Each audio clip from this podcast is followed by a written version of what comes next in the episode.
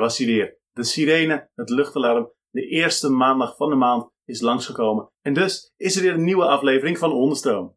Om jou onder stroom te zetten met nieuwe radicale energie voor de toekomst. En we gaan het hebben over opbouwen en inzetten. Oh, Wat een beetje doet denken aan dat vorige ding dat we vorig jaar zeiden.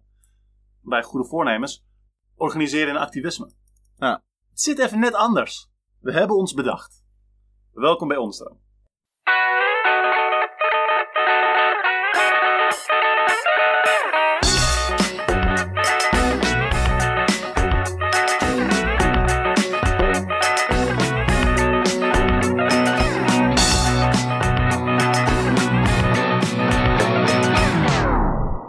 Oké, dus daar zijn we weer.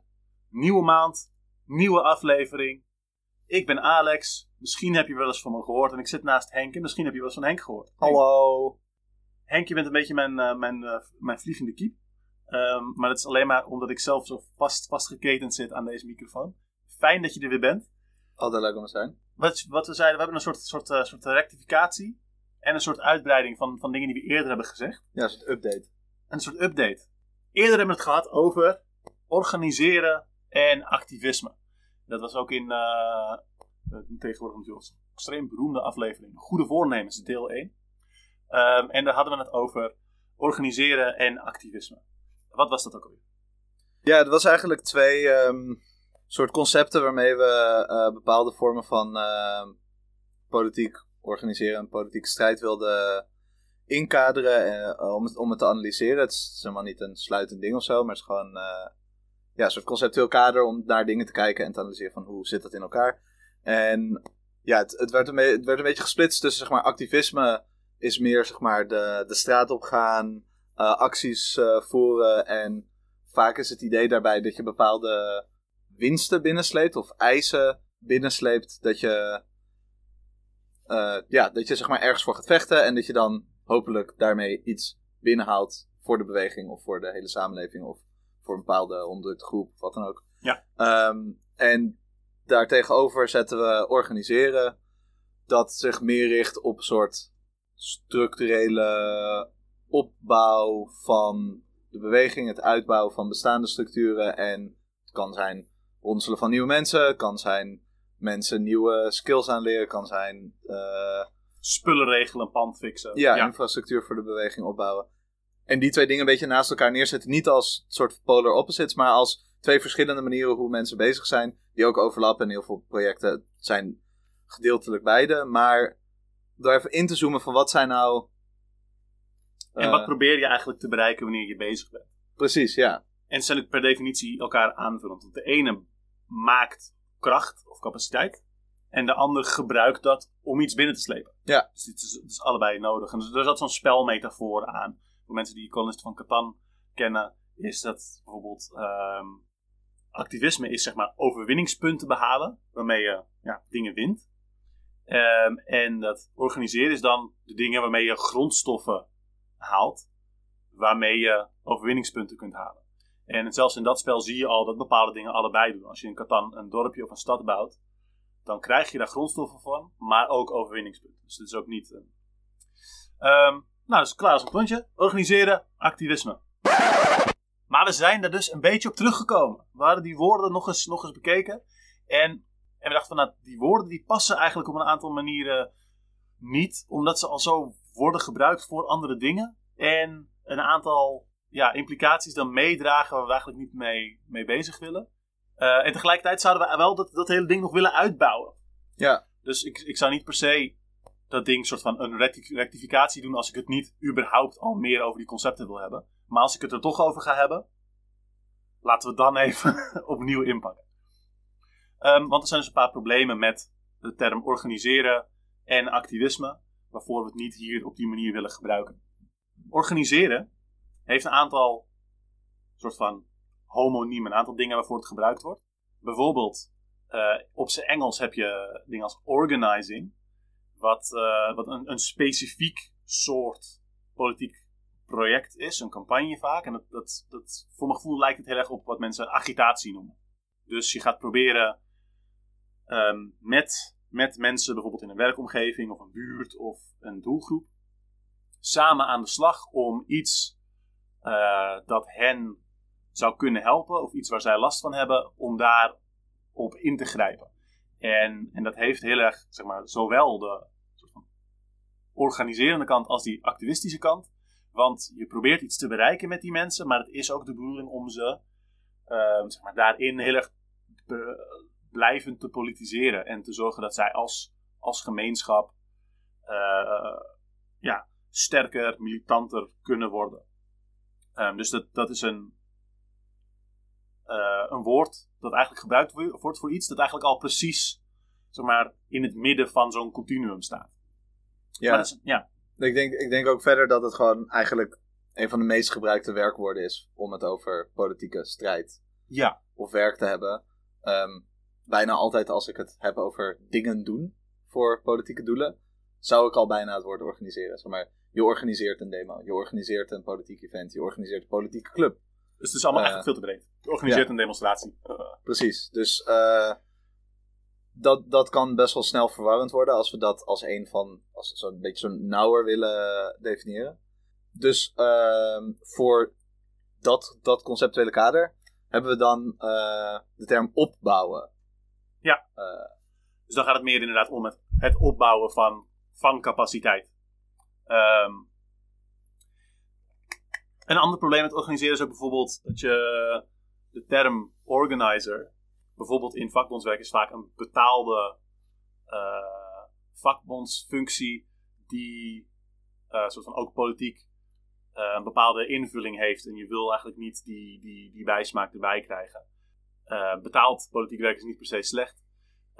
Integendeel. Maar er zijn zeg maar in, in mainstream vakbondsorganizing zijn er een aantal neigingen waar, waar je de nadruk krijgt op dat de betaalde organizer de actieve persoon is. Die anderen betrekt. En de anderen worden eigenlijk meer als een soort consument of volger daarvan neergezet. En het is een soort, heeft een soort van hiërarchisch model erin, dat eigenlijk een beetje in de weg staat van verdere, uh, verdere betrekking van die mensen die Ja. gewoon met hun eigen strijd bezig zijn. Ja, er zijn wel uitzonderingen op te noemen natuurlijk altijd van eh, campagnes die beetje met diezelfde insteek gedaan zijn, die wel een stuk empowerend zijn. Maar vaak is het dat eh, wat dan uiteindelijk een soort voetvolk wordt of zo, helemaal niet empowered wordt en agency uh, kan nemen en kan opeisen om zelf uh, aan de slag te gaan. En dat, ja, je wil ook niet dat het te veel daarmee verwikkeld zit. Ook maar termen als social organizers of social organizing. Beetje hetzelfde, maar dan vaak meer binnen sociale bewegingen dan, dan vakbondsdingen. Heeft ook soms een beetje hetzelfde bijsmaak qua die... Ja. Professionalisering. Ja, precies. Ja. Maar activisme heeft ook een beetje een lastige lading. Want dat heeft ook die, die lading dat het om alles eigenlijk gaat. Ja. Alles wat je politiek doet buiten het parlement is activisme of zo. En sommige dingen binnen het parlement worden dan ook wel zo genoemd. Maar de, de term activisme steekt wel op een paar, paar, andere manieren. Ja, ja, nee, er zijn best wel veel bekende kritieken op de term activisme en wat het inhoudt. Um, sowieso een hele goede tekst daarover is uh, Give Up Activism. Uh, er zal vast een linkje worden gezet uh, onder de podcast daar naartoe. Ik zal kijken of het lukt. Um, maar de, dat zeg maar de, de manier, de logica van activisme vaak heel idealistisch is. Heel, en, en idealistisch in een zin van los van de daadwerkelijke context waar je in beweegt. dus ja, een soort van leegte, een soort heel en daardoor vaak een heel soort van liberale uh, inzicht krijgt van als je het maar een goed genoegen mening hebt en daarvoor door blijft strijden, zeg maar, tegen dezelfde windmolens, dan, dan, uh, dan win je wel iets.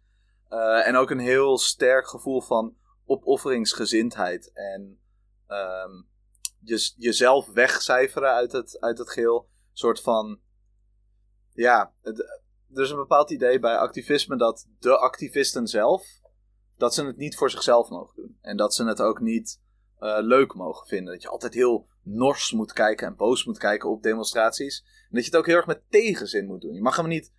Activisme is niet om leuk te vinden, het is om uh, af te zien voor een nobel doel. En dat is natuurlijk helemaal niet hoe iedereen er naar kijkt, maar dit zijn wel eh, elementen die in eh, dynamieken van activisme eh, terug te vinden zijn. En die in hoe meer mainstream, meer liberale bronnen je kijkt, hoe meer je dat erin terugziet. En helaas zijn dat ook dingen die ons in de beweging ook nog steeds blijven beïnvloeden. ik, zie, ik heb ook het idee dat het activisme heel erg gericht is op ehm, zeg maar, indirecte actie. Dus je hebt een directe actie van je wil iets, je organiseert dat het, dat het er is. Ehm, dus bijvoorbeeld iets als kraken is een directe actie. Van, ik zou ergens willen wonen. Ik ga ergens wonen. Ehm, en dat eh, activisme in die zin vaak heel indirect is. Het is zorgen dat genoeg mensen hun mening laten weten aan de politiek, zodat er een, iets niet doorgaat. Of ja, een bepaalde eis stellen, een bepaalde eh, petitie erdoor krijgen. Ehm, een ludieke actie om in de media te komen. eh, eh, waar, waar, er zijn eindeloos voorbeelden te bedenken. De, de eeuwige duizendste actie van een of andere bezuiniging. En dat mensen weer hetzelfde idee hebben om een, om een begrafenisoptocht te doen. Omdat dit ding waar nu op bezuinigd wordt, nu te graven gedragen moet worden. Eh, ja, precies. al, al dat soort dingen. Eh, het heeft een soort eh, rituele logica van dat Ja. je telkens hetzelfde moet doen en volgens dezelfde methode. Ehm, ik vind het wel moeilijk, want de term activisme wordt overal gebruikt. Dus ik, was eerst van, ah, dan ga ik, dan ga ik, die term ga ik nooit meer gebruiken. Dat werkt dus niet zo goed. Ehm, dat is heel onhandig. Ehm, maar eh, voor... Maar hiervoor is het dan onhandig. Ja, al helemaal. Ja, dus, dus die hebben we ook vervangen. Met inzetten. Inzetten. Dus waar je aan de ene kant capaciteit opbouwt om die te kunnen gebruiken, is de andere kant is het dan het inzetten om iets te behalen. Ehm, en dan heb je dus ook weer die, dat in elkaar voeden van die, van die twee kanten. Dus ja, opbouwen is dan dus alles wat meer mensen, meer vaardigheden, meer geld, meer spullen, meer ruimtes, etc. Al die dingen eh, verzamelt en bundelt. Eh, of ze beschikbaar maakt voor de beweging. Eh, en bij mensen kan het dan bijvoorbeeld gaan om, weet ik veel, eh, een publiek vormen dat voor langere termijn bereikbaar is. Of groepjes vormen of gemeenschappen die makkelijker op te roepen zijn of te betrekken in acties of die zelf makkelijker in actie kunnen komen om dingen te doen. dan ze daarvoor ehm, als zeg maar individueel gerichte consumenten zouden zijn, bijvoorbeeld. Ehm, en inzetten is dan aan de andere kant dus ehm, al het werk dat eh, de, dingen die in de beweging opgebouwd zijn, gebruikt om dingen te kunnen bereiken. En dat zijn dus bijvoorbeeld, ik veel, eh, actiegroepen, campagnegroepen, eh, maar ook bijvoorbeeld groepen die de acties van anderen ondersteunen. Want dan heb je dus mensen die de politieke zaken heel belangrijk vinden, die een groep eh, neerzetten die helpt om actiegroepen hun doelen te laten bereiken. Dus bijvoorbeeld een, eh, een mental health support and recovery groep of een eh arrestantengroep, een juridische hulpgroep. Ehm, allemaal dat soort dingen. Daarbij is er zeg maar, opgebouwd is mensen die dit belangrijk vinden en een, een, een, een passie voor hebben en vaardigheden voor hebben gebruikt, hebben opgebouwd. En die vormen een groep die dat gaan gebruiken om winst binnen te halen. Ja, en ik denk zeg maar om, om nog te benadrukken hoe erg deze dingen niet los van elkaar bestaan of tegenstrijdig zijn. Eh, heel klassiek vakbondswerk is gewoon deze twee dingen. Je bouwt een eh, lidmaatschap op, je bouwt een stakingskas op. En dan kom je in een conflict met de baas. Dan ga je staken, dan zet je dat in en dan zet je je stakingskas in. Je zet de, de tijd en energie van de mensen die actief zijn bij de vakbond, zet je in om die eh, eisen waar, waarvoor je voor vecht binnen te halen. Dus je ziet dat zeg maar in heel veel projecten zit beide. En vaak is er een nadruk op de een of de ander. Maar Ja. dus altijd zijn, zijn beide wel, wel bijna altijd aanwezig. Dus als je in een, in een samenstelling zit waar veel kleinere groepjes allemaal dingen doen, dan, dan kunnen die groepen allerlei verschillende kanten beslaan. En als je weet ik veel, een grotere eh, organisatie hebt, die meer gewend is gewoon zeg maar, zelf dingen te regelen, dan zal die in-house verschillende takken zelf combineren. Ehm, ook elke, weet ik veel, communistische of uh, socialistische partij of zo, die zal dit ook net als een vakbond op die manier combineren. En dat is van nou, het is belangrijk om maar weer eens een campagne te doen om wat enthousiasme los te wrikken en te proberen iets binnen te halen en te laten zien dat we iets hebben behaald met al die lidmaatschapsgelden bijvoorbeeld. Dus inderdaad, alles zit in zekere zin in allebei. Uh, en er is ook een, natuurlijk een soort overlap in. Uh, uh, alles wat je inzet is in principe op een bepaalde manier eerst opgebouwd. Um, dus dat, dat is ook. Um, en alles wat je verder wil opbouwen, daarmee ga je ook zeg maar de, de, de passie die je als persoon hebt, dat is iets dat is opgebouwd in de beweging. Dat is iets maar, dat tot de beweging behoort in, zeg maar, in theoretische zin. Dat ga je dan inzetten voor opbouw. Dus er, zit wel zeg maar. De, de scheiding is, is niet heel hard. Um, maar er zijn ook dingen die hier nog buiten vallen. Het is een, zeg maar, een ding om uh, politiek werk te begrijpen in bepaalde opzichten, maar het, het slaat niet op alles. Um, bepaalde manieren van wederzijdse hulp of zo zijn, zijn hier niet direct in te passen. Um, er zijn heel veel andere dingen nog wel om te bedenken. Um, dus, dus niet een sluitend, alles opvattend systeem. Ook als je, als je heel veel dingen hebt opgebouwd, dan kan dat op zichzelf al zo'n soort een landschap in de beweging neerzetten wat een beetje buiten de rest van het systeem staat. En dat hebben is ook al winst. Daarmee heb je ook al iets bereikt eigenlijk. Dus de soort van winst komt alleen uit inzet. Dat is ook niet helemaal waar. Je kunt ook dingen binnenhalen uh, door heel sterk op te bouwen. Maar dat heeft ook weer andere, andere beperkingen. Dus dat is onze disclaimer. Ja, en um, dan willen we eigenlijk graag uh, op de twee uh, concepten ingaan. En we zullen allebei een beetje op dezelfde manier uiteenzetten. Dus eerst ingaan, wat is het precies? dan, hoe werkt het intern? Wat zeg maar de interne logica van op deze manier bezig zijn. Um, dan gaan we kijken naar hoe de dynamiek is als je samenwerkt met soortgelijke groepen, soortgelijke projecten. Dus hoe werkt verschillende projecten die aan het opbouwen zijn onderling, of daarna als we het over inzet gaan hebben, hoe werken die onderling? En daarna natuurlijk kijken hoe werkt samenwerken met de andere kant, met het andere soort projecten, met een andere soort dynamiek. en tenslotte willen we nog ingaan op de, aan de ene kant de valkuilen en aan de andere kant de succesverhalen van elk van de concepten. Um, en natuurlijk, uh, het zijn abstracte concepten, dus alle, alle dingen die eronder vallen, dat is nog steeds ontzettend breed. We, proberen daar wat, wat over te zeggen, maar het, het, is allebei nog steeds een heel breed terrein. Dus, dus uh, opbouwen dan. Um, ja, we hadden natuurlijk al gezegd, op, wat is opbouwen? Opbouwen is het een soort van vergaren, beschikbaar maken, uh, creëren van ja, capaciteit voor de beweging. Dat kan allerlei, allerlei vormen hebben. Uh, allerlei soorten slagkracht kan bestaan uit van alles. Het kan zijn mensen, kan zijn vaardigheden, enthousiasme, um, infrastructuur, weet veel, bakfietsen, gebouwen, um, uh, een, een, server, een online systeem, um, voedsel, een distributienetwerk. Allerlei dingen kan het zijn. Um, en dus het ding van opbouwen is, zeg maar,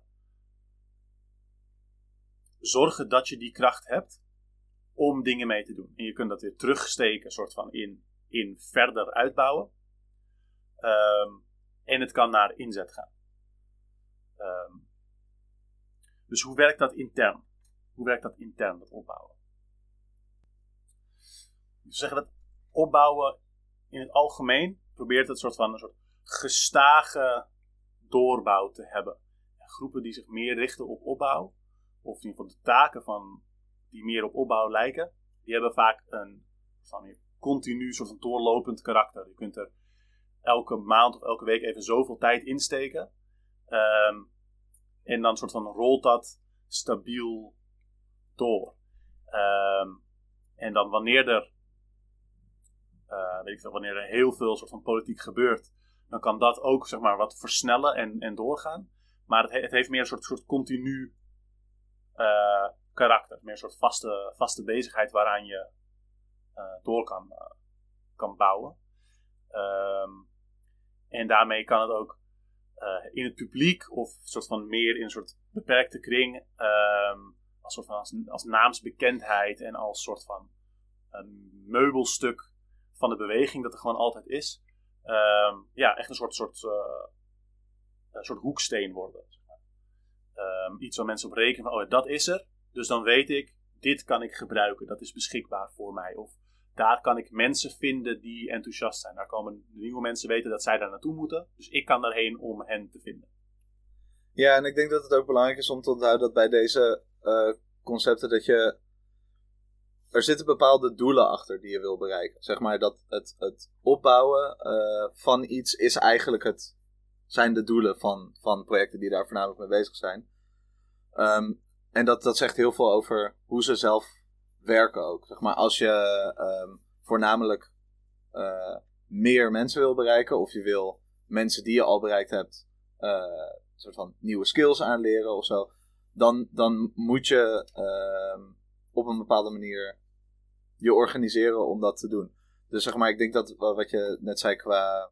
Dat doorlopende ja, betrekking. het, ja, het zeg maar doorlopende betrekking. Dat het heel logisch is dat je dat vaker zult zien bij eh, opbouwen. Bijvoorbeeld tegenstelling tot bij inzet. Dat je, eh, je kan permanent blijven opbouwen. Er zijn natuurlijk over op alles zijn uitzonderingen. Mhm. Ehm, En dat, zal, dat gaat ook wel met een soort app en vloed en zo. Uh, maar het is gestaag.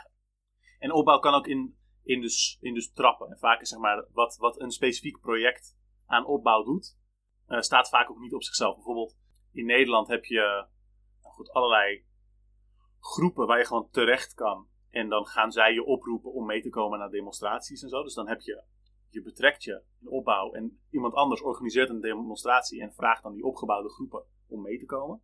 Maar er zijn bijvoorbeeld ook bijvoorbeeld een, een trainerscollectief, zoals bijvoorbeeld Stroompersnel of whatever, die, eh, dat is een, een collectief dat bezig is om mensen dingen te leren, om vaardigheden door te brengen. Ehm, en die, eh, die doet dus een ander stukje aan opbouw in de beweging. En dus in verschillende eh, stukken opbouw vul je ook elkaar aan. Bijvoorbeeld ook als je een heel groot eh, sociaal centrum weet te regelen dan wil je aan de andere kant de opbouw hebben om dus genoeg mensen en een publiek daar naartoe te krijgen. en nieuwe vrijwilligers.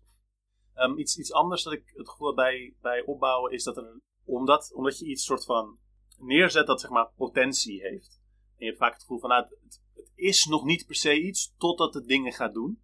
En daar, daar zit, dat is niet helemaal waar, want als je gewoon heel veel dingen hebt opgebouwd waardoor je je meer kan onttrekken aan de mainstream, eh, dan is dat op zich al waardevol. Maar er, er zit zo'n zo'n kant aan van de dingen die wij opbouwen, waar gaan ze eh, gebruikt worden? En gaat dat wel de, de, doelen dienen die we willen? Als je iets opbouwt, moet, moet, moet- zit er ook vaak zo'n concept in van waarvoor gaat het gebruikt worden en hoe komt het daar terecht? En dat komen, komen we later dus ook als het gaat om zeg maar, de samenwerking. Dus bijvoorbeeld juist met eh, actiegroepen die veel op inzet zitten. Ehm, dat er een, een soort gatekeep-achtig ding aan zit. Bijvoorbeeld een solidariteitsfonds dat geld verzamelt om in de beweging te kunnen gebruiken. Eh, dan zit er, een, dan zit er een, een kant aan dat werk om te zorgen dat het ehm, bij radicale dingen terechtkomt. In plaats van dat ik veel, liberalen of scammers of eh, mensen die het niet, niet verstandig gebruiken er, ermee weglopen. Bijvoorbeeld. Ehm, dus er, er zit een, een voorzichtigheid op.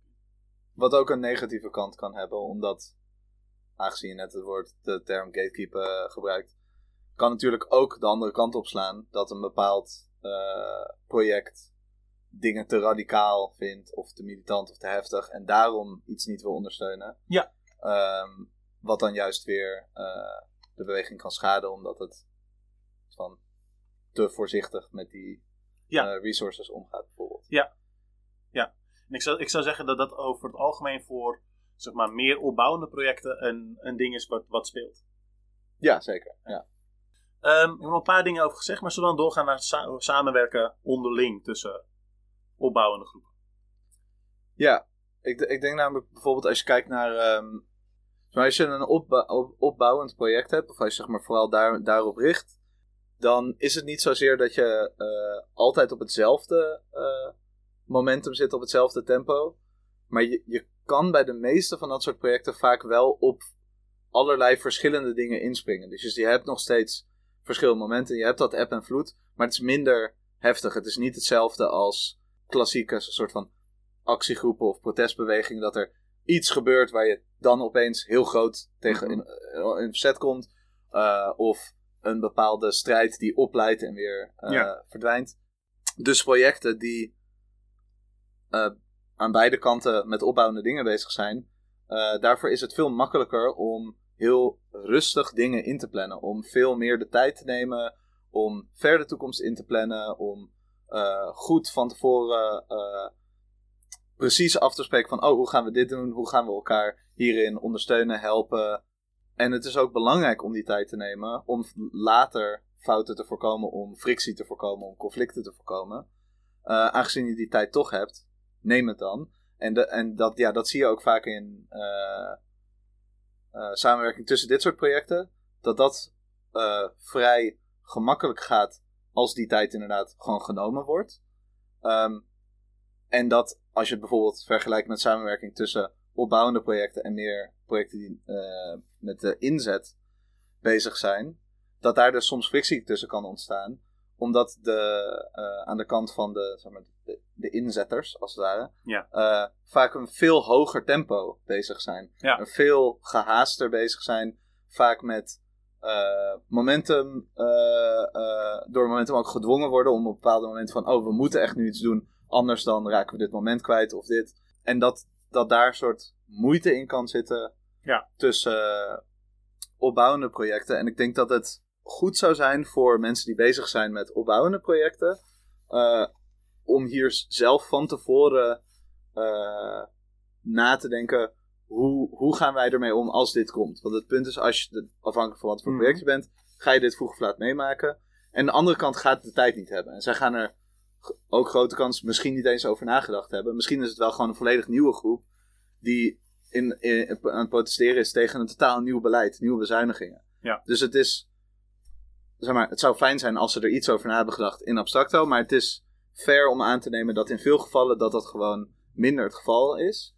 En dat het dus belangrijk is, als je met een opbouwend project bezig bent, om daar een soort beleid voor te hebben, een bepaalde eh, manier van handelen, die je ook op een makkelijke manier kan uitleggen, in weinig tijd, aan totaal eh, Ja. uninitiated mensen, die samen met jou iets willen doen. Zoals bijvoorbeeld... Want, want inderdaad, zeg maar, zij, zeker, zeker als het nieuwe mensen zijn, maar ehm zij zitten in, in een van, er is nu dit ding en dat moeten we nu stoppen. Dat is belangrijk.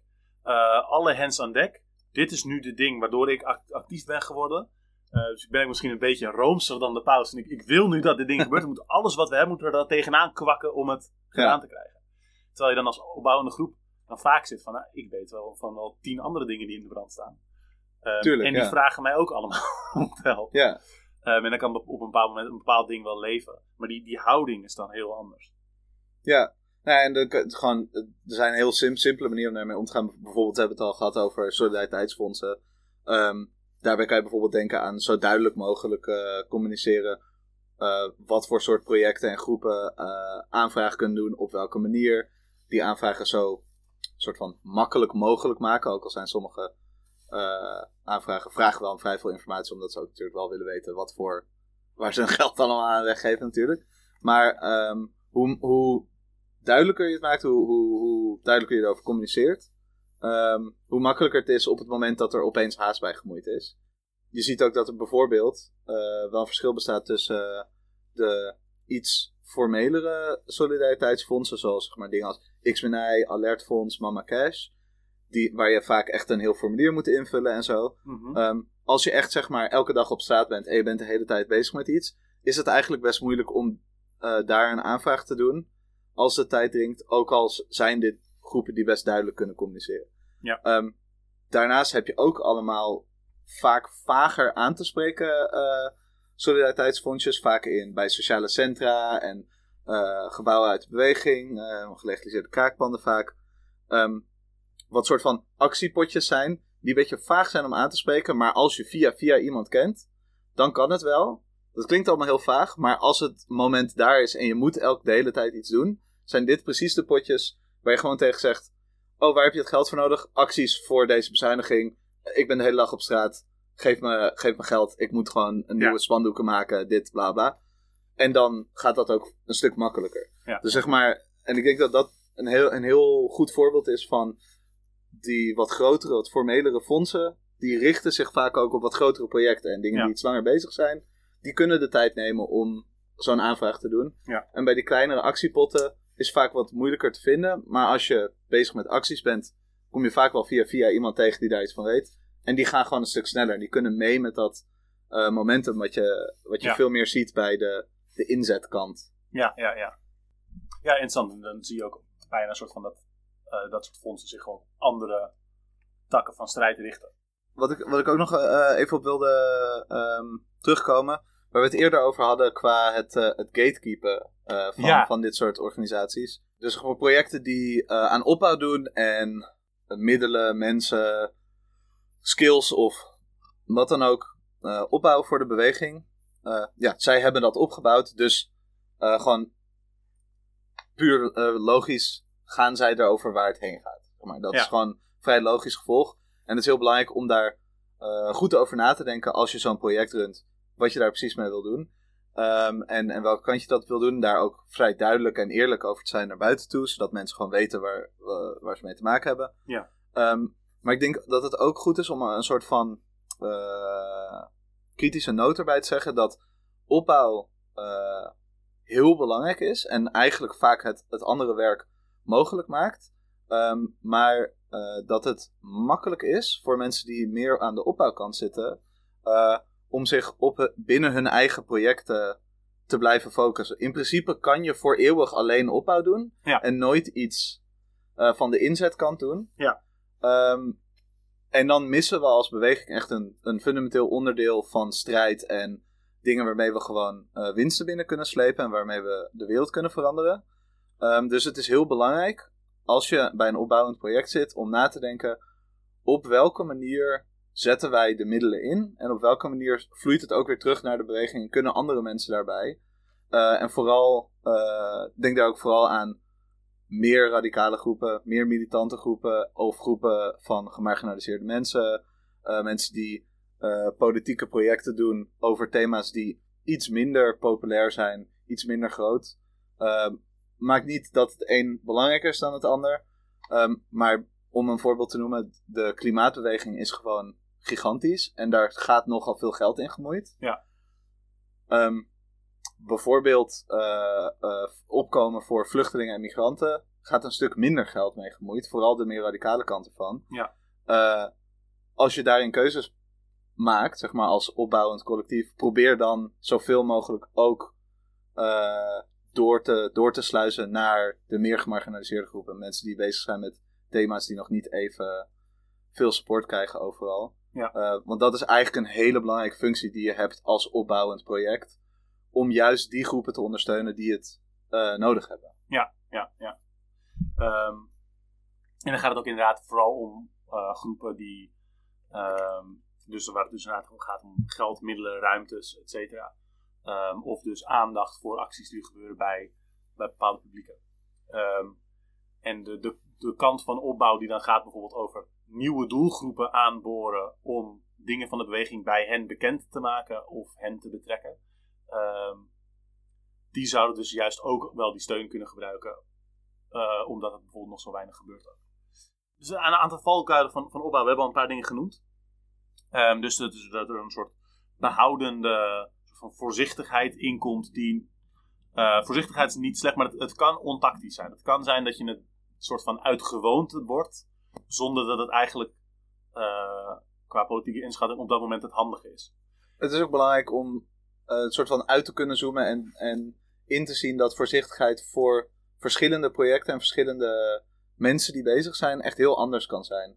Eh, als je soort van op de barricade staat, maar in Nederland klinkt dat altijd heel belachelijk, maar als je gewoon met heftige acties in Nederland bezig bent of eh, mensen, mensen gaan dingen vastketenen, blokkades, bezettingen.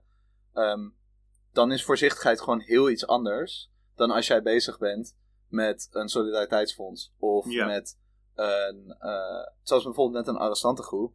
Dan is zeg maar, voorzichtigheid met jouw jouw middelen inzetten eh, iets heel anders dan voorzichtigheid van eh, het inzetten van zeg maar, de middelen van een arrestantengroep zijn de mensen die Ja. er tijd in stoppen.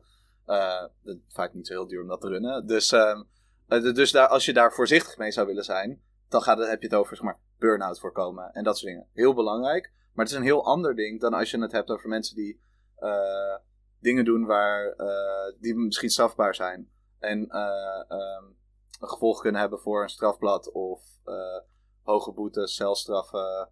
ehm, die hun toekomstige carrière en eh, baanzekerheid kunnen bedreigen en zo. Dus ik denk dat vooral als je bij een opbouwend project zit, heel belangrijk is om daarop te reflecteren van eh, voor ons is dit misschien eh, onhandig, maar voor de mensen die, eh, die de straat op gaan, is het, valt het eigenlijk allemaal re- redelijk mee. En misschien moeten wij die kans dan, dat risico maar nemen, omdat het voor hun eh, heel belangrijk is dat zij ondersteund worden met deze middelen. Of Ja. dat ze deze ruimte voor iets kunnen gebruiken, of whatever. Ja, ja. En dus, dus in, bij sommige opbouwende projecten kan, kan je ook heel erg dat, dat perspectief verliezen. En gewoon heel erg soort van naar binnen, naar binnen duikelen. En eh, dat uit het oog verliezen of nooit gehad hebben. Het is klassiek wat er met NGO's altijd gebeurt. Ja. Het is zeg maar eh, ehm, steeds meer donateurs werven, steeds meer eh, awareness proberen te, te raisen. eh, en, en vaak ook, als je echt vrij liberale kant op gaat, een beetje een soort van lobbyachtige dingen willen doen. En dan te bang zijn om op een bepaalde manier in het nieuws te komen en dan een deel van je donateurs te verliezen of een subsidie kwijtraken. Eh waardoor je helemaal los komt te staan van eh, de mensen die daadwerkelijk strijd leveren op straat, maar ook van andere delen van de beweging die eh, wel een radicalere, expliciet radicalere inslag hebben. Ehm, die ze, want ze, deze risico's, maar bijvoorbeeld met de naamsbekendheid van NGO's en zo, is, dat, is het helemaal niet altijd. Oh, ze steunen niet die super radicale groep die op straat allemaal super militante dingen doet. Het is ook, oh, we willen niet op hetzelfde event zijn als deze radicale, ook opbouwende project dat helemaal niks illegaals doet. Hm. Maar zij hebben een cirkel A en een logo, dus dat vinden we veel te heftig. Ehm, dat, zeg maar, dat soort dingen zijn gewoon echt funest en eh, kunnen ervoor zorgen dat wat je opbouwt helemaal niet meer terugvloeit in de beweging. Op een gegeven moment ben je dan wel zeg maar, bezig met dingen opbouwen, maar die zijn dan steeds minder of helemaal niet meer voor de beweging. En dan, eh, hoe zinnig is het dan nog als het, als het niet ingezet kan worden in de strijd? Dus in, in- dat is ook eh, zo'n vaak een proces van, eh, van cooptatie, waarmee dat soort structuren soort van, van de beweging afgepakt worden. Ja. Dus door naar de succesverhalen. En ik heb het gevoel dat al die, al die ruimtes die in de kraakbeweging nog steeds beschikbaar zijn en allerlei eh, nieuwe, nieuwe groepen helpen om zich eh, op te richten en hun meetings en hun dingen te houden en acties te plannen. Eh, dat dat nog een extreem eh, succesvol ding is van de Nederlandse beweging nu. Ja, het feit dat je gratis, vaak soms op donatie, maar bijna altijd gratis een ruimte kan gebruiken om te vergaderen, publieke evenementen te organiseren, leesgroep, filmavonden, infopraatjes, actiemobiliseringen. Dat is super waardevol. Ja, en het feit dat het in politieke plekken is en niet, zo, niet, al- niet alleen gratis, zorgt ook dat je andere groepen tegenkomt die ook eh, met soortgelijke of vergelijkbare inzichten bezig zijn. Misschien met andere thema's, andere doelgroep, ja, eh, zijn langer bezig of korter bezig. En eh, door elkaar daar tegen te komen, kan je ook gaan samenwerken, nieuwe campagnes opzetten samen. van elkaar leren. Precies, en dat, en dat is nog een soort van secundair ding dat erbij komt, dat echt heel belangrijk is. Eh, echt die kruisbestuiving tussen verschillende delen van de beweging. Ehm, ja, en je ziet ook dat eh, in steden waar meer van die ruimtes zijn, de beweging vaak een stuk harder groeit of, of groter is al. Ja, Eh, puur omdat er gewoon de faciliteiten zijn. Het is, het is vrij laagdrempelig mogelijk. Ik bedoel, in principe kan je natuurlijk, als je niks in de buurt hebt wat open is of wat beschikbaar is, nou helemaal met alle lockdown dingen van corona, dat je ook bij, eh, eh, bij bepaalde publieke eh, locaties niet meer zou kunnen vergaderen. Je kan thuis vergaderen, maar het is veel hoogdrempeliger om nieuwe mensen uit te nodigen om, om dat al helemaal, omdat het publiek ergens zet van, oh kom gewoon langs vergaderen, Ja, zet je ja. je adres ergens neer. Om daarheen te gaan is voor sommige mensen ook veel, veel spannender. Als het gewoon heel duidelijk een soort publieke ruimte is versus een of ander onbekend persoon in hun huis. En ook dingen als, weet ik veel, die activistische fondsen, zoals bijvoorbeeld het Actiefonds. Ehm, eh, die nog steeds echt best wel vette, vette acties eh, financieren. Eh, en die gewoon al, al jaren, jarenlang gewoon eh, allemaal geld bundelen en in, in strijd en actie overal ter wereld terechtbrengen. Ehm, Ja, vooral dat ze het ook naar de rest van de wereld pompen, zeg maar. ja, Fucking rijk land geld inzamelen en het dan naar activisten in Zuid-Amerika, Azië, Afrika en zo doorgeven. Ja. doorgeven. Ja. dat is super geniaal. ja, dat is heel waardevol. Ja. Extreem waardevol. Ja, een ander succesverhaal zou ik bijvoorbeeld ook eh, kunnen noemen de, de Vrije Bond, die eh, de laatste jaren echt ontzettend eh, sterk aan het groeien is in eh, eh, lidmaatschap. Ehm, En ook in, in actieve groepen en alles. Klopt, ja. En eh, ja, je ziet dat het niet alleen voor dingen binnen de Vrije Bond goed is. En uiteraard is het goed voor de Vrije Bond zelf als groeien. Maar dat ze ook eh, een grotere pot hebben voor hun eigen solidariteitsfonds, eh solidariteitskas. Waar ook mensen van buiten de Vrije Bond aanvragen eh, kunnen dienen. Eh, dat ze een gigantisch netwerk hebben waar propaganda en onder andere stickers en posters worden uitgedeeld. Ehm, natuurlijk de stickers van de Vrije Bond zelf, maar ook allemaal stickers van andere groepen. En ja, je ziet dat zeg maar, door, door zeg maar, zo gul om te gaan met die infrastructuur met de manier hoe je dat inzet, dat de groei van de Vrijbond zelf ook allemaal andere groepen heel erg kan ondersteunen en kan helpen. En dat die soort van, oh, dat bijvoorbeeld kleinere lokale groepen en zo in het kielzog van de Vrijbond een, een soort van stroomversnelling meemaken en, en eh, zelf harder kunnen groeien of, of effectiever hun eh, acties Ja. kunnen opzetten. En zo. Ja, ja, ja. Ik merk ook dat, eh, ik, ik heb het wel eerder, eerder genoemd, dat zeg maar de, dat van de, de onderlinge steun tussen vloerwerk en de Vrije Bond bijvoorbeeld. Ja, Ja, daarin zie je heel veel die, eh, eh, ja, die, onderlinge, die de onderlinge hulp van, soort van andere soorten structuren die elkaar aanvullen. ja, heel vet om te zien. Oké, dus dan, dan dat inzetten. Hetzelfde verhaal, maar dan voor inzetten. Wat, wat is dat dan? Dat Ja, ik denk dat eh, inzet. Ja, ik vond de uitleg eigenlijk heel geniaal aan de hand van een bordspel, maar ik hou Ja, van ja. bordspelletjes. Ik vond het ook leuk gedaan. Ja, mooi. Ja. Ehm, nee, het is gewoon alle, alle dingen die. En daarom hadden we activisme daar eerst voor staan, natuurlijk, omdat heel veel van wat inzetten is, zijn eh, vooral eh, eh, vormen van acties. En, maar ik, ik zou zeggen dat het eigenlijk alles is waarbij je de, de, de grondstof en de middelen die je hebt inzet om dingen te bereiken. En ja, dus zeg maar straatdemonstraties, blokkades, sabotage, stakingen, eh, bezettingen, al dat soort dingen vallen duidelijk daaronder. Ehm, maar ook andere dingen, wat je al eerder had genoemd van een arrestante eh, steungroep, is typisch iets wat eigenlijk ook een soort inzet is. Kijk, het, het, is, het is een bepaalde infrastructuur die acties ondersteunt en mogelijk maakt. En daardoor klinkt het alsof het misschien iets meer aan de opbouwkant zou zitten. Maar wat het eigenlijk doet, is het neemt de, de tijd van mensen binnen de beweging. En die zet die in om andere acties te ondersteunen. Dus Ja, het is eigenlijk een soort. force multiplier. Precies. En het is een soort van. Ja, een soort van steun, steun van de homebase, zeg maar, die je krijgt terwijl jij eh, in, het, in het veld staat de, de, de actie te doen. Eh, en wat dat betreft zijn dat, dat soort dingen ook een soort inzet.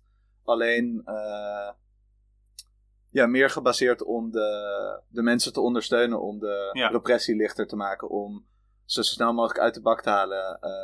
Of, of een ander eh, collectief de support and recovery. Dat een soort gelijke eh, ondersteuning geeft, maar dan vooral voor emotionele stress en trauma van eh, bijvoorbeeld politiegeweld of andere dingen bij acties. Of om te waken voor burn-out, dat soort dingen. Ja. Ehm, die zetten de, de tijd en energie in van de mensen van hun collectief. En misschien mensen die er willen, willen helpen. Ja. Om andere activisten te ondersteunen om hun werk te doen. Dus het versterkt wat je kan behalen. Ehm, en eh, zeg maar, gevoelsmatig kan je denken van, nou, maar is dit niet ook opbouw? Maar het- is in geen, op geen manier bezig met nieuwe mensen bereiken. of met meer middelen vergaren. Het is zeg maar de, de, de, de, de passie en de vaardigheden die zijn er dan, die worden gebruikt voor het versterken van acties. Het is een beetje soort, bijna een soort beperking van de afbraak. Die wordt gedaan met repressie, met burn-out. Ja, precies. Het is een soort van een helende uh, uh, schil eromheen. Van een klein beetje uh, damage reduction bijna. voordat we te nerdy worden. Maar, zeg maar... um, ja, en, en ik denk dat het heel belangrijk is om op die manier ook naar, naar het hele concept van inzetten te kijken. Dat het dus niet alleen maar gaat om de actie zelf, maar om alle dingen die we doen waarbij we onze middelen inzetten, waarbij we onszelf ergens voor inzetten om uh, doelen te behalen. Ja, ja. Ja, precies. Um, en vooral dus ook als het gaat om zeg voorbij petities en alleen maar manifestaties of proberen een bezuiniging tegen te draaien of um, et cetera. Het is, het is veel breder dan dat, ja. Dus hoe werkt het intern dan? We noemen bij opbouw heel erg bijvoorbeeld dat, dat, tijdspunt van het is. Opbouw is vaak een soort van zo gestaag mogelijk en probeert dingen die fluctueren alsnog gestager te maken. En, en inzet heeft dat niet per se. Met inzet heb je veel meer soort van die curve van oké, er is nu er is iets gebeurd daar kunnen we op inhaken. Daarmee kunnen we proberen iets te bereiken. Dus dan moeten we er nu ook voor gaan. Dus die heeft bijna het omgekeerde van als er iets gebeurt, dan proberen we dat te versnellen. Um, dus dan krijg je vaak dingen als van de, hete herfst. Van uh, zo'n flauw, flauw grapje over een voormalige slogan die de FNV elke keer met de herfst gebruikt, omdat er een paar demonstraties waren. Maar omdat je met inzet vaak, zeg maar zeker als het wel zo'n zo'n actiecampagne is, druk probeert op te voeren, wil je ook eigenlijk dat als er iets gebeurt, dat er eigenlijk tien dingen gebeuren.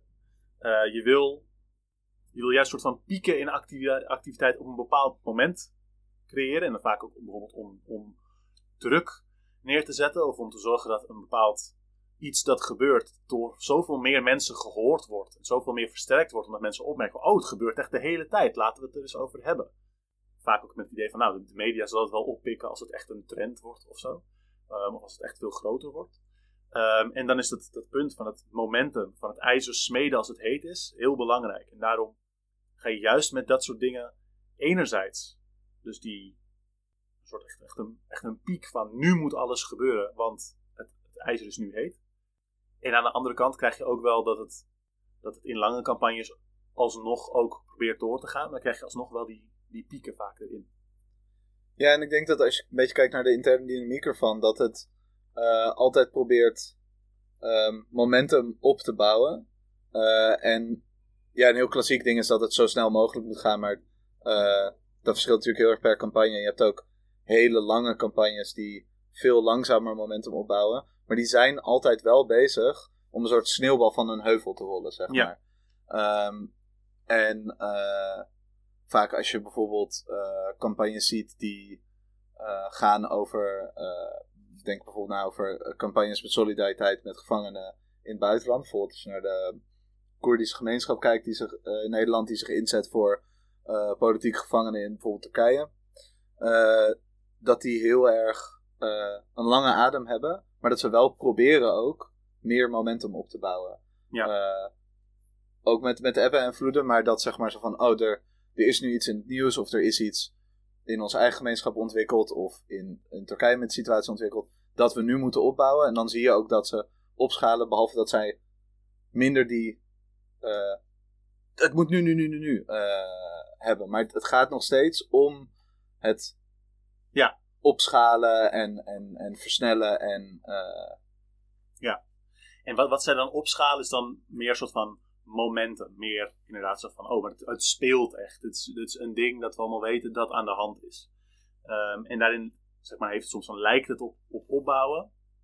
Behalve dat opbouwen vaak zeg maar, van veel concreter is. Hoe kunnen die mensen altijd blijven bereiken? Ja, een ander ding uh, wat ook uh, goed is om uh, over na te denken bij uh, de interne dynamiek is dat het, omdat het gaat over inzet van middelen en eigenlijk de meeste middelen die we inzetten wij zelf zijn, dat het goed is om erbij na te denken van hoe, hoe zetten we die dingen in, hoe zetten we onszelf in en hoe gaan we daarmee om. En dat eh, waar we het net over hadden van je wil het momentum opbouwen en zo. Mhm. Dat je wel heel vaak ziet dat, eh, dat er een soort van. Eh, het moet nu gebeuren. Het, We hebben het wel eens over een brandweerauto.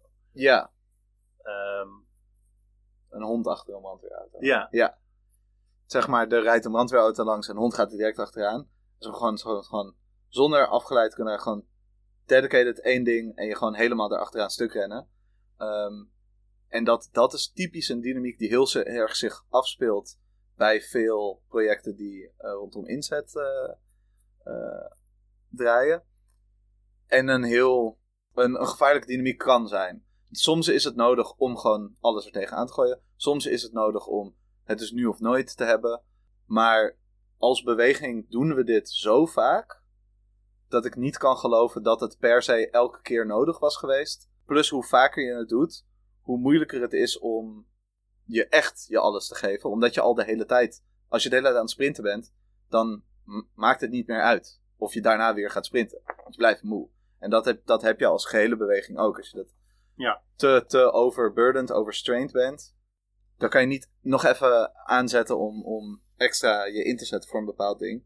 Eh, Ja. Ja. Op een bepaald niveau moet er, moeten we als beweging inzien dat we we have to pick our battles. Soms kan je bepaalde dingen wel of niet winnen. Betekent niet dat er totaal niet voor gevochten moet worden, maar vechten alsof alles de, de laatste strijd is, is, eh, is zeker niet altijd handig. nee, nee. Dus samenwerking onderling tussen groepen die echt op die inzet zitten. Ziet zeker, maar als je het bij actiecampagnes houdt, zie je wel vaak inderdaad zeg maar, coalities van groepen die zich op een bepaald thema kunnen vinden. Ehm, die call-outs delen, die gezamenlijk eh, acties of demonstraties eh, uitroepen. Dat is, dat is een vorm die je vaak ziet. Dat Ja. ik. Ja, ik denk, ik denk dat het voor onderlinge eh, samenwerking dat het goed is om voor jezelf te bekijken van wat voor soort project eh, ben ik nu mee bezig. Maar er zijn gewoon heel veel actiegroepen die vrij korte termijn campagnes hebben of vrij kort bestaan. Of misschien is het alleen maar een gelegenheidscoalitie van individuen of groepen of wat dan ook. Misschien is het zelfs maar één actie of één demo. Bij dat soort dingen is het natuurlijk zo belangrijk mogelijk om je op de actie of de campagne te richten. Om zoveel mogelijk bezig te zijn met de druk opbouwen op de tegenstander. Of eh, een actie zo goed mogelijk te organiseren. Duidelijk eh, communicatie onderling te hebben met, met de mensen waarmee je samenwerkt. En je niet zoveel te richten op soort van randzaken of dingen die een beetje soort van overhead-achtig klinken. Maar tegenovergestelde zou ik zeggen is waar als je met een groep bezig bent die een veel langere eh, termijn inzet hebt.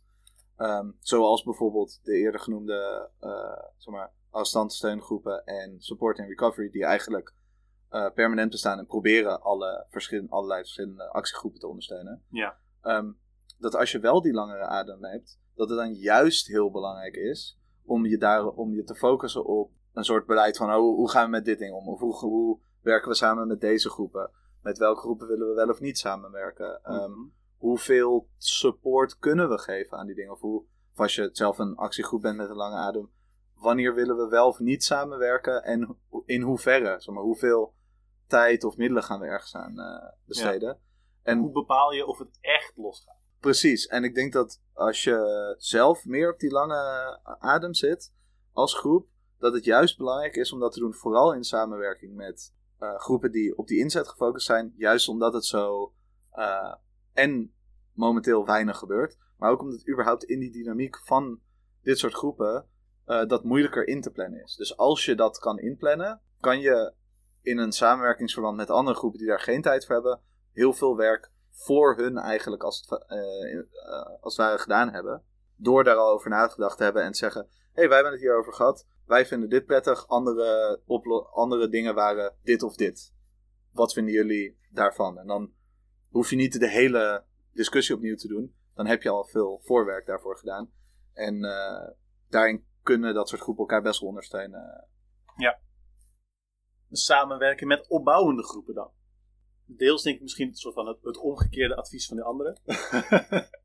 Eh, maar dat, dat geldt ook voor zeg maar, actiegroepen richting zeg maar, ondersteunende groepen. Is, is dan eigenlijk ook vergelijkbaar. Je gekke eten erbij eigenlijk. Maar het, soort van probeer je te beseffen dat je op een heel andere tijdspanne werkt, allebei. Ja. Ehm, dat die, eh, die mensen daar zeg maar eh, vast tijd in hun leven voor, voor, voor, voor vrij houden. Dat vaak, vaak al, al jaren duurt. En dat zij, en dat zij zoveel mogelijk zeg maar, vooraf de tijd vaak nodig hebben om iets te horen. Ehm, en dat zij eh, iets hebben opgebouwd wat voor hen kostbaar en soort van persoonlijk bevestigend is. Dat ze dat neer hebben kunnen zetten. En dat het dus ook iets, iets voorzichtigs is. Dat ze daar vaak voorzichtig mee zijn om dat, om dat te delen. Of, of dat het er gewoon een blijk van vertrouwen is als je dat kan gebruiken. Ja, en ik denk dat het ook, zeg maar, het, het is gewoon sympathiek naar die andere mensen toe. eh, maar het is ook in je eigen voordeel om daar op die manier mee om te gaan. Ehm, omdat het je kans vergroot om toegang tot eh, middelen te krijgen waar die mensen als, eh, vaak eh, een soort gatekeepende functie over hebben. Niet altijd slecht hoor, maar zeg maar. En ik, ik denk dat ehm, bijvoorbeeld bij. we komen telkens op het, op het voorbeeld van Solidariteitsfonds terug. Maar ehm, als je geldaanvragen doet, zeg maar, in feite is het natuurlijk belangrijk dat al deze middelen uiteindelijk voor de strijd worden ingezet, zodat we dingen kunnen winnen, zodat we de wereld kunnen veranderen. Het is alleen wel belangrijk om door te hebben als je dat soort aanvragen indient, dat voor mensen binnen een bepaalde actietraject of actiecampagne kan het als heel voor, vanzelfsprekend overkomen van dit is het moment, dit is een super belangrijk ding, deze ene eh, eh, conferentie van allemaal eh, eh, kapitalistische bedrijfsleiders, die moeten we eh, eh, blokkeren zodat het niet door kan gaan, want dit is het moment, bla bla bla. Geniaal, ongetwijfeld heb je gelijk. Punt is, als je dat niet op een manier kan overdragen dat dat voor andere mensen die er net iets anders naar kijken duidelijk is, is het voor hun eh, minder likely dat, dat zij zeg maar hun volle gewicht daarachter gaan gooien en die dat momentumknopje opschalen en zeggen van, oh shit, dit is inderdaad belangrijk. We moeten hier meer mensen voor inzetten. We moeten zorgen dat deze mensen alle steun krijgen. Ja. Eh, ehm, want voor veel projecten die echt lange, lange adem bezig zijn, is dit gewoon de vijftiende conferentie die geblokkeerd gaat worden de afgelopen paar maanden of zo. Dus zeg maar, eh, eh, niet dat er zo superveel blokkades gebeuren in Nederland, helaas. Maar zeg maar, het is geen, geen eh, no skin off their back om eentje te missen. Nee. Dan geven ze het geld aan de volgende blokkade. Dat is in principe vanuit dat niet erg. En al helemaal omdat hoe, hoe verder verwijderd van de inzetkant en van actiekant een bepaald opbouwend project is, vaak hoe minder persoonlijke affiniteit ze ook hebben met bepaalde thema's. Dus als jij helemaal in een eh feministische actiegroep zit en je bent van, oh, we moeten deze ene, eh, er komt een of andere spreker die totale eh patriarchale asshole is, die moeten we gaan downshutten. En je begrijpt, omdat je erin zit, begrijp je waarom deze persoon juist zo'n sleutelpersoon is. En waarom het juist belangrijk is dat juist deze speech, die in de beweging van toxisch, reactionair, eh, seksistische groepen, eh, dit zo'n sleutelmoment is. Zeg maar, dat, dat, dat kun jij misschien weten. En dat is, dan, dat is dan heel goed en waardevol. Maar voor andere mensen denk je, ja, dus Baudet is, hij zit elke week bij Jinek. Wat, wat maakt het dan precies uit? Ja, en dan is het, juist dan is het belangrijk om dat, dat gevoel van urgency, dat gevoel van het belang, strategisch inzicht, eh, inzicht eh, het, het, het hele idee van waarom die actie zo belangrijk is, of campagne of wat dan ook, eh, over te dragen, zodat mensen die niet zelf daar evenveel kennis van hebben, of die, die affiniteit met een bepaald thema hebben, of überhaupt snel warm lopen van bepaalde, oh, dit is een achtige logica, dat die dat inzien en jouw actie daarin steunen. En dat jij het volledige gewicht van de beweging achter je kan weten te scharen. Oké, dus dan valkuilen van, van de inzetkant. We hebben het al een beetje genoemd van, soort van die, die neiging om achter een brandweerwagen aan te rennen. Het eh, soort van om de, de, de tijdschaal heel kort te zien en daarmee ook eh, niet dat het aan de opbouwkant het niet speelt, maar dat die, die, dat burn-out risico eh, echt, echt hoog is. Ja. Ehm, en inderdaad, je heel erg soort van in een soort tunnelvisie terecht kan komen. Eh, dat bijna vanzelfsprekend is van, ja, maar natuurlijk is dit hem. Natuurlijk is dit specifieke stuk dat van de verzorgingsstaat afgebroken wordt, dit is echt de, het sleutelpunt. Of wat dan ook. Een andere ehm, is dan bijvoorbeeld roofbouw. En dat gaat specifiek om bijvoorbeeld dus, dus de samenwerking met, met opbouwende groepen. is dat het, het, kan, het kan zijn dat eh, bijvoorbeeld een actiegroep zo erg uh, overtuigd is van het belang van een bepaald thema, dat ze een beroep doen op capaciteit die opgebouwd is. En dat met, met zoveel soort van enthousiasme en zoveel tijdsdruk op dat thema proberen te gebruiken, dat het eigenlijk afbraak doet aan wat er is opgebouwd. Dat het eigenlijk uh, onzorgvuldig is en, en, en schade doet aan de beweging op lange termijn, of in ieder geval voor, voor nu. En dat het daarom op, op roofbouw lijkt. Het is eigenlijk van, we moeten dit nu hebben. Dus we bijvoorbeeld, dus bijvoorbeeld we gaan op een bepaalde manier met, met uh, geld van een fonds om. Dat eigenlijk vertrouwen breekt binnen de beweging. Maar dan hebben wij nu wel dat geld om het te gebruiken. En dan later dus is het moeilijker voor andere groepen om dat geld te bereiken, omdat dat vertrouwen gebroken is. En dat is een soort van roofbouw. Je zegt van, nou, ik heb het nu zo erg nodig, dat het niet zo uitmaakt hoe, dat, hoe die steunsystemen er later uitzien. Ja, en ik denk dat uh, de meest bekende daarvan gaat vaak over uh, hoe er met mensen omgegaan wordt. Oh ja. En ik, ik vind ook vaak, het, het, het heeft iets weg van je rijk rekenen of zo. Dat je uh, met een collectief besta je uit tien mensen van die tien mensen is er bekend dat e-, e-, één zit tegen een burn-out aan. De ander heeft het eigenlijk te druk op werk. Iemand anders uh, heeft al gezegd dat hij eigenlijk liever op andere dingen wil focussen. Zeg maar, er is bekend dat je eigenlijk niet tien mensen hebt. Qua daadwerkelijke dedication. Maar dan komt er een moment dat zo belangrijk is dat er, dat er moet ervoor gemobiliseerd worden. En dan in plaats van naar buiten te kijken naar, om nieuwe mensen, uh, meer opbouwende uh, kanten van op te, uh, te, te focussen, um, wordt er dan gedacht: op papier hebben we 10 mensen, we hebben 10 mensen, en die, daar ga ik gewoon extra hard aan trekken. En vaak gebeurt het ook met best veel toxisch gedrag met dingen als mensen op hun persoonlijke verantwoordelijkheid of hun schuldgevoel of, of zeg maar, het belang dat ze aan een bepaald thema of, of onderwerp hechten. Zo van, oh, maar jij vond klimaat toch zo belangrijk, waarom, kan je dan, waarom ga je dan deze keer niet mee naar de nieuwe COP uh, zoveel uh, conferentie? Ja. En dit, dit is precies wat echt, zeg maar, super slopend is voor de actiegroepen waarin het gebeurt zelf, maar als gehele beweging ook. Omdat mensen zich daardoor ook nooit veilig of op hun gemak voelen om uh, zich ergens voor in te zetten. Om zich uh, op te geven als, oh ja, daar wil ik aan meewerken. Uh, mensen voelen zich niet serieus genomen in als ze eerlijk communiceren over hun capaciteit. Sterker nog, het kan voelen alsof je dat, alsof als je dat zou doen, dat je dan niet meer gesteund zou worden, omdat je dan, als je niet meer naar actie gaat, dan hoor je er ook niet meer bij. Ja, het is bijna alsof er een soort onuitgesproken, en misschien soms wel zelfs uitgesproken, een soort zogenaamd politieke kritiek is van als jij niet je altijd wil opofferen ten koste van jezelf om dit ding te doen, dan ben je politiek slecht bezig. Terwijl het tegenovergestelde aan de hand is, want eerlijk communiceren over hoe je in, het, in je vel zit is juist heel belangrijk om voor jezelf, maar ook voor als beweging als geheel door te kunnen gaan. En die andere persoon is juist heel uh, politiek slecht bezig zijn. Maar het is iets wat heel veel voorkomt. Ja. Een heel klassieke uh, valkuil is. Ja. Um, ook om, omdat we, we zijn niet met eeuwig mensen.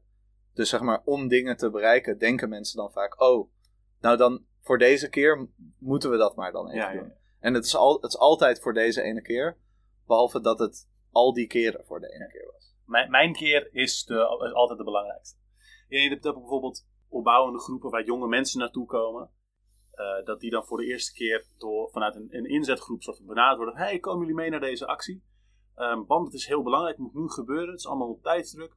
En dat bijvoorbeeld die onervaren mensen niet zo goed worden meegenomen. Niet zo goed worden uitgelegd wat hun juridische rechten zijn op een actie. En dat er bijvoorbeeld iets, uh, iets naast gebeurt qua, qua repressie. En dat mensen trauma's oplopen, et cetera. Uh, dat kan ook heel erg dat, dat, dat vertrouwen breken. En het gewoon die, dat is gewoon, die, die mensen die zijn daar, kunnen daar een hele leven last van hebben. En, en soms zit er een, een, een neiging om op die manier zeg maar de, de haast erin te zien en ja, de, de mensen een soort van maar, maar in de bres te gooien. Uh, dat, dat kan een, dat kan een, uh, een, een valkuil zijn uh, die ik erg onder die roofbouw zie. Ja, dan zijn er dus een andere valkuil is dat um, er zijn best wel veel projecten en acties die heel erg aan de inzetkant zitten, maar die eigenlijk niet zo heel duidelijk de doelen die. Wat, wat een beetje een, een moeilijk ding aan, aan deze concepten is, is dat zeg maar inzet en opbouw zijn niet letterlijk de doelen, maar hebben impliciet automatisch aan zich gekoppeld bepaalde doelen. Uh, met opbouw zit het een beetje in het woord, je wil bepaalde uh, capaciteit opbouwen. Um, maar met inzet, je wil iets inzetten voor een doel, om bepaalde winsten binnen te halen, om bepaalde uh, eisen af te dwingen.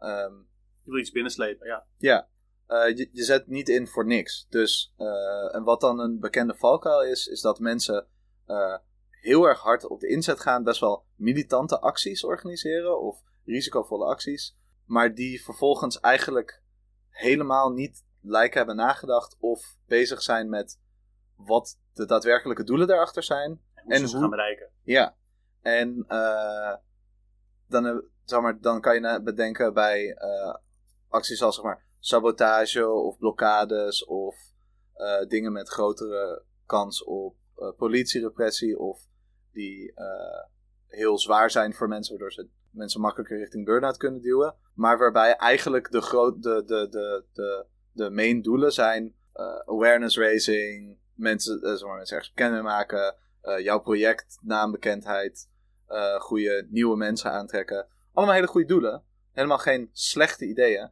Maar al die dingen zitten net iets meer aan de opbouwkant. En het is heel, tenzij er geen andere manieren te bedenken zijn om die doelen te behalen, dan door bepaalde risicovolle acties te doen is het vaak gewoon heel onverstandig om het per se met die actie te doen. Omdat het zo'n groot risico neemt. En vaak de middelen, als het ware, waar ik me dan zorgen over maak, niet het geld is dat we uitgeven, maar de mensen van onze beweging die we inzetten, dat we elkaar een burn-out inwerken. Dat we elkaar de repressiemachine ingooien uh, met alle gevolgen van dien. Um, die risico's nemen is belangrijk en dat moeten we ook doen, want het is de enige manier hoe we strijd kunnen leveren. Maar we moeten wel heel goed nadenken wanneer het de moeite waard is en wanneer het een goed idee is om dat wel of niet te doen. En dat moet iedereen voor zichzelf beslissen, maar het is een heel. Veel voor... Soms is het soort van de gewoonte om die meer risicovolle, soort van radicaal ogende middelen te gebruiken, terwijl er laagdrempeligere manieren zijn om hetzelfde te bereiken of zelfs meer. Ja, het punt is ook dat soms kan het zijn dat uh, bepaalde laagdrempelige middelen niet even succesvol kunnen zijn, maar dat ze niet eens geprobeerd worden. Hmm. Dus het is niet eens bekend of het succesvol had kunnen zijn.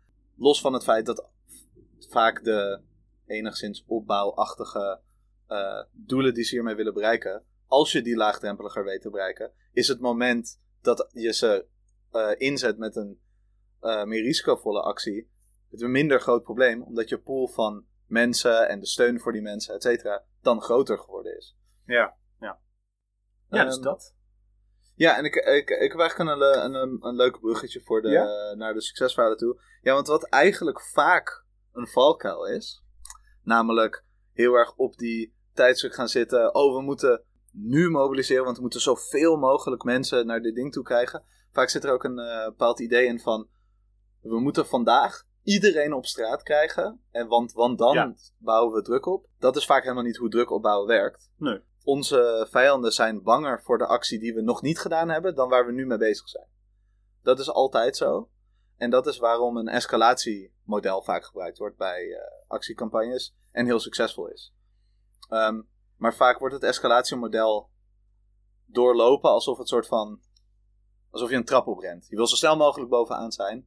In plaats van elke trede is een belangrijk stapje daarin. En het succesverhaal daarvan is natuurlijk vloerwerk. Ja. Want vloerwerk heeft het hele idee van een escalatiemodel en uh, strategisch druk opbouwen super hard geoond. Het is uh, een van de meest succesvolle actiegroepen van Nederland überhaupt. Qua gewoon hoeveel winst ze behalen, hoe vaak ze zeggen: We hebben deze campagne begonnen. Toen hebben we gewonnen wat we wouden hebben. Klaar. Hoe vaak hoor je dat? Dat is echt zeldzaam. Zeer. Sorry, ik, ik, ik, had het er laatst nog met iemand over en uh, die noemde twee dingen. Ik weet, er was een klimaatgroep die werd, werd genoemd, ik weet niet meer welke. En Kick-Out Zwarte Piet. Ja. Die ook gewoon heel succesvol bezig zijn. Maar het, het, is verder vrij, vrij zeldzaam helaas. Um, maar wat zij dus bijvoorbeeld heel goed doen in die escalatieladder, is dat zij een, een plan opstellen van escalatie. En dat zij niet, niet te, te snel de, de trekker overhalen. Ze zijn heel relaxed, zeg maar. Oh, de eerste actie, dan gaan we gewoon een brief overhandigen met, uh, met de eisen die we willen binnenhalen. Oh, dat doen we met Nog, Nogmaals, um, ik heb het hier vaker over gehad, maar ja. vloerwerk is dus een, uh, eh, een solidariteitsnetwerk van werkers die uh, problemen hebben met hun werk. Dus uh, loon dat ze, dat ze moeten krijgen, dat krijgen ze niet. Of iemand is ontslagen om uh, slechte redenen, wordt op een andere manier slecht behandeld. En die gaan dan samen met vloerwerk gaan zij acties doen om hun gelijk te halen. en de baas te laten zien dat hij niet zomaar alles kan.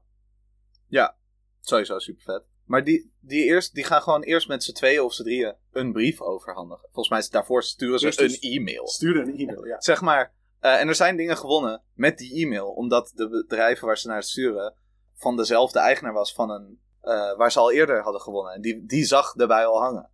En uh, heel erg weten wanneer je die druk moet opbouwen, is super belangrijk. En dat is waarom zij, onder andere waarom zij zo succesvol zijn, is dat zij het is niet dat zij niet dat belang erbij hebben, dat ze niet die, die drive hebben. Er wordt, die mensen weten exact hoe belangrijk het is en er wordt vet hard georganiseerd daar.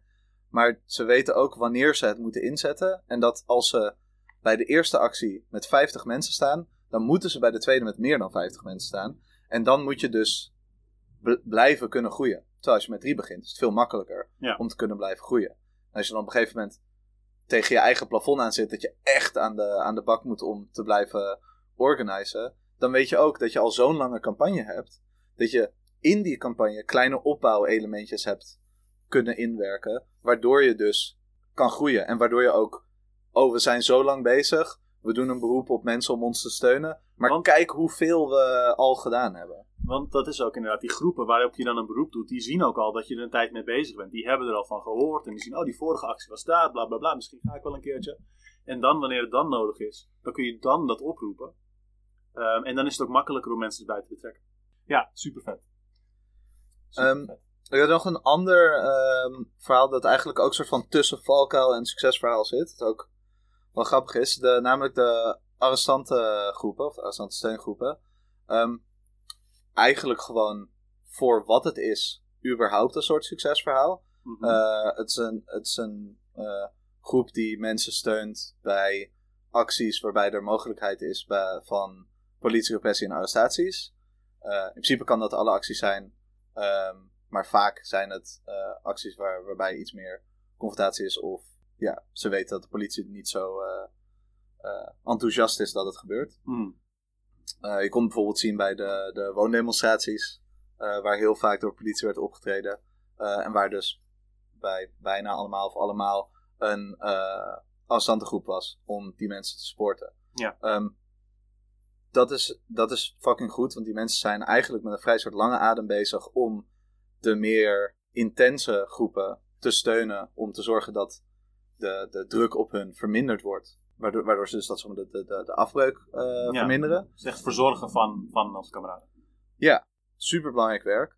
Wat jammer was, jaren geleden, en ik weet niet exact hoe dat nu is, want volgens mij wordt het netwerk nu uitgebouwd, is dat er vaak vrij weinig focus op was en vrij weinig aandacht was, uh, zowel van mensen om dat te gaan doen, mm als van mensen die ermee bezig waren om nieuwe mensen uh, te zoeken en, en te trainen. Um, waardoor er dus een soort van roofbouwdynamiek binnen de uh, groep van mensen die AG deed ja. ontstond. Omdat er gewoon maar zoveel mensen waren die er ervaring mee hadden of die bekend waren met uh, mensen of die het wilden doen of er de tijd voor hadden. Um, wat super jammer is, want zij doen heel belangrijk steunend werk, maar worden dan zelf niet gesteund. En als de druk omhoog zit in, in een campagne, op campagne op campagne, dat is ook net een lastig moment om iemand in te werken. Want dat is eigenlijk meer werk nog. Om iemand in te werken is nog meer werk erbij soms. Meestal wel. Ja. Al zou ik zeggen dat bij AG het wel, wel meevalt. Vergeleken met andere dingen. Maar dat doen ze nu anders. Ja, nou, dus ze zijn nu bezig met een uh, uh, uh, her heropbouwen van dat netwerk en ook nieuwe mensen op te, op te leiden. En het is fucking belangrijk werk. En al helemaal voor, voor iedereen is het goed om dat überhaupt te kunnen. Het is niet heel moeilijk. Het is vooral een beetje netjes dingen opschrijven. Het is eigenlijk gewoon het belangrijkste ding. En je aan bepaalde uh, gedragsregels houden. Dat is vet belangrijk. Als jij iemand bent die dat interessant vindt, uh, neem dan contact met ze op. En kijk of je een keer kan helpen of dat kan leren. En dat geldt dubbel voor mensen die zelf uh, bepaalde acties eng vinden of niet kunnen of eh, liever niet aan bepaalde risicovolle acties deelnemen, voor welke reden dan ook. Allemaal fucking legit. Maar je kan wel de mensen die dat wel doen ondersteunen door bij de AG te helpen. En dan hoef je zelf niet hetzelfde risico te nemen, maar kan je wel de mensen die die acties doen direct ondersteunen. En dat is echt super belangrijk. Uh, plaats ook weer de link onder de aflevering. Ze hebben een, uh, ze hebben een website uh, vernieuwd onlangs, geloof ik. nou, tegen de tijd dat dit ook komt wel, ja. ja, ja, ja. Uitstekend. Ja, vet. Fijn. Opnieuw, ik geef zelf vaak heel erg de voorkeur aan opbouw. En dat is deels gewoon mijn persoonlijke, persoonlijke neiging. Uh, maar het is inderdaad allebei ontzettend belangrijk. En, uh, en ik, ik, denk, ik denk dat zeg maar, die, die, die opbouwkant vaak niet zozeer uh, erkend wordt. Omdat het vaak minder soort van er actiegericht eruit ziet of zo. Het is niet zeg maar, bij het standaard idee van wat is, wat is politiek actief bezig zijn. Uh, maar het is allebei ontzettend belangrijk.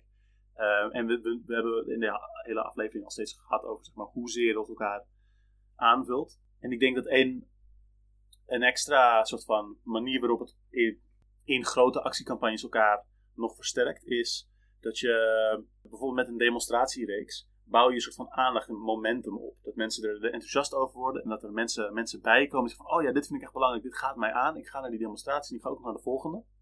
En dan heb je dat momentum, dat enthousiasme dat er is. Maar dat blijft niet voor eeuwig. Die aandacht, die gaat na een tijdje gaat die verslappen. Dan zijn mensen het een beetje zat of uh, wat dan ook. En in sommige gevallen kan dat, kan dat wel langer duren. Maar dat is in principe eindig. En het opzetten van zo'n actiegolf, dat is een soort van project van inzet. Maar juist met zeg maar, opbouwende groepen die daarin bezig zijn, kun je die, dat momentum tot op een bepaalde manier soort van verzilveren. Kun je een soort van mensen die dan daar actief worden, langer betrekken en soort van binden in, in dus groepjes, poeltjes, uh, waardoor zij later op andere manieren ook nog actief kunnen blijven. Um, en dan, daarin zie je voor, voor mijn heel erg die, die samenwerking tussen er is kracht opgebouwd, die wordt ingezet in een, in een campagne. Daarmee behaal je iets of niet, maar ook onderweg met dat momentum haal je dan weer de aandacht waarmee je mensen weer terug die opbouw in kan, kan plaatsen. Um, en zo voeden die twee kanten elkaar voor zeg maar één politieke beweging. Ja, ik, ik, vind, ik vind het wel uh, interessant dat je dat uh, ook, ook een beetje zeg maar, vanuit je eigen invalshoek uh, zo, zo uiteenzet. Ik denk namelijk voor, voor mezelf dat ik eigenlijk de inzetkant vaak interessanter vind en belangrijker vind.